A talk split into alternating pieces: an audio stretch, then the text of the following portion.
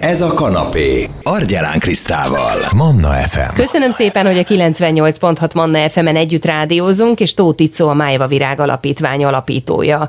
Kitalálója a beszélgető partnerem a vonal túlsó végén, és hát örömteli hírről számolhatunk be, mert nagyon-nagyon izgalmas dolgok történtek a Májva Virág Alapítvány házatáján nem is olyan régen. Egy nagy álmotok vált valóra. Így van már, amikor 2013-ban létrehoztuk a Májva Virág Alapítványt, már akkor egy álom volt az, hogy legyen egyszer egy olyan májva házunk, ahol, ahol személyesen ott tudunk lenni, be tudnak jönni az érintettek, és hát sokat dolgoztunk mi ezen, de valahogy csak nem hozta az élet.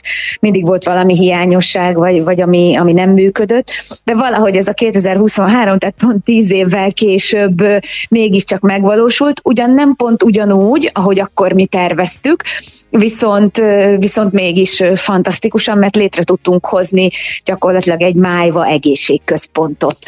Mi minden várja itt az érintetteket, hozzátartozókat? Mit kaphatnak tőletek? Úgy álmodtuk meg, és aztán úgy alakítottuk ki ezt az egészségközpontot, hogy kicsit így ketté kell szedni, ha mondhatom így, bár mondjuk a Májva Virág Alapítvány is ugye nem csak már a kialakult nőgyógyászati daganat tal érintettekért és hozzátartozóikért dolgozik, hanem dolgozunk a prevencióért is.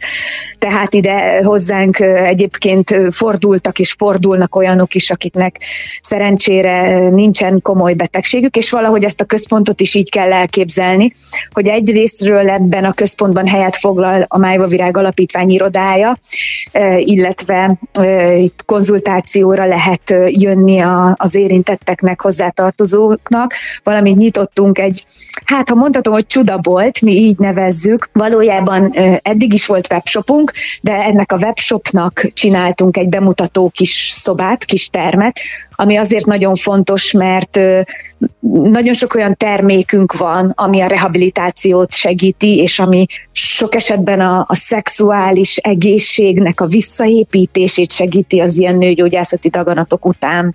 Mi van még a Májvaház egészségközpontban?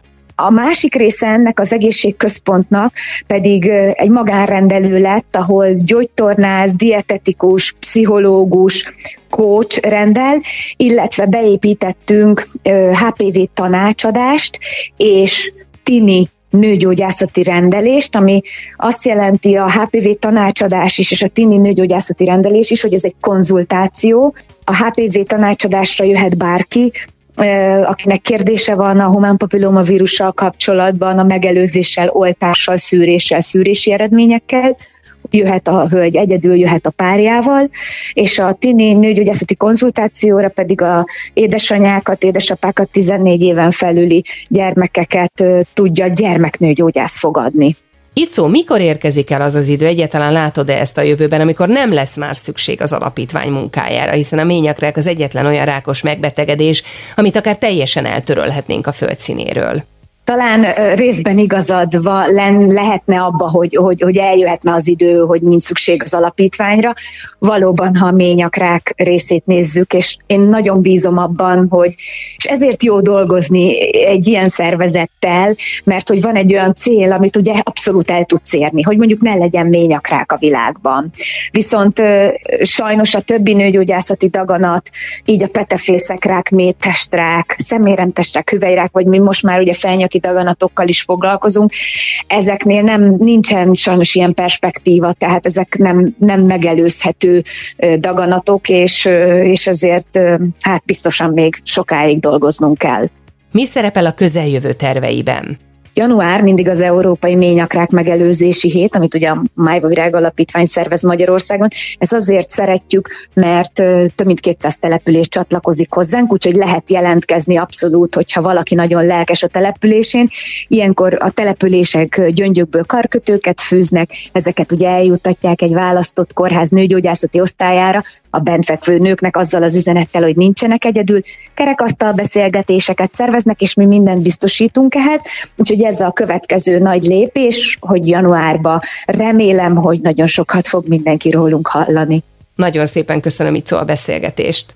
Én is köszönöm, és jó egészséget kívánok mindenkinek. A Májva Virág Alapítvány alapítója Tóth Icó volt itt a beszélgető partner a Manna fm és megnyílt a Májva Ház egészségközpont, ahol várják az érdeklődőket, érintetteket, hozzátartozókat, sok-sokféle segítséggel, tabuk nélkül, úgyhogy bízom benne, hogy akit érdekel, megtalálja az utatmódot hozzátok. Ez a beszélgetésünk is a Manna FM podcastján fellelhető lesz, akár itunes akár Spotify-on lehet majd keresni. Manna, ez a kanapé, Argyelán Krisztával. F